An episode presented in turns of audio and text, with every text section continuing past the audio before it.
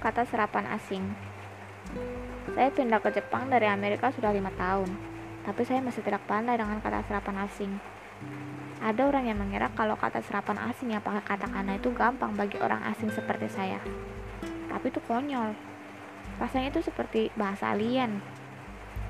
Pertama-tama, pengucapannya itu membingungkan.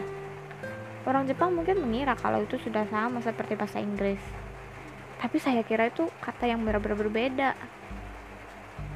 Sama halnya seperti saya, teman saya yang dari negara lain juga ada yang tidak tahu perbedaan kohi dengan kopi. Saya juga kurang paham penggunaannya karena rumit. Saat pertama kali sampai di Jepang, saya pesan makanan di restoran dengan bilang, "Tolong makanannya." Dan dibalas, "Nasi kan?" Lalu saat ditanya alamatnya, saya beritahu alamat rumah saya dan malahan rekan saya kaget. Alamat yang dimaksud dalam bahasa Jepang ini ternyata alamat email.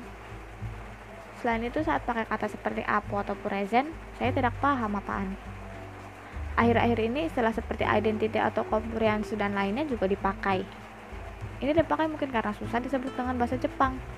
Tapi kalau pakai bahasa asing saat bisa pakai bahasa Jepang, bermasalah kan? Contohnya saja ada orang yang mengatakan kebijakan, tapi dalam banyak kasus lebih mudah dikatakan sebagai ide atau metode. Tentu saja saya tidak 100% tentang kata-kata serapan asing. Kata yang sudah biasa digunakan seperti shatsu dan pasokon menurut saya tidak perlu diganti.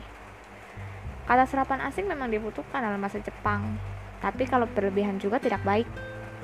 Saya pikir penggunaannya harus seimbang.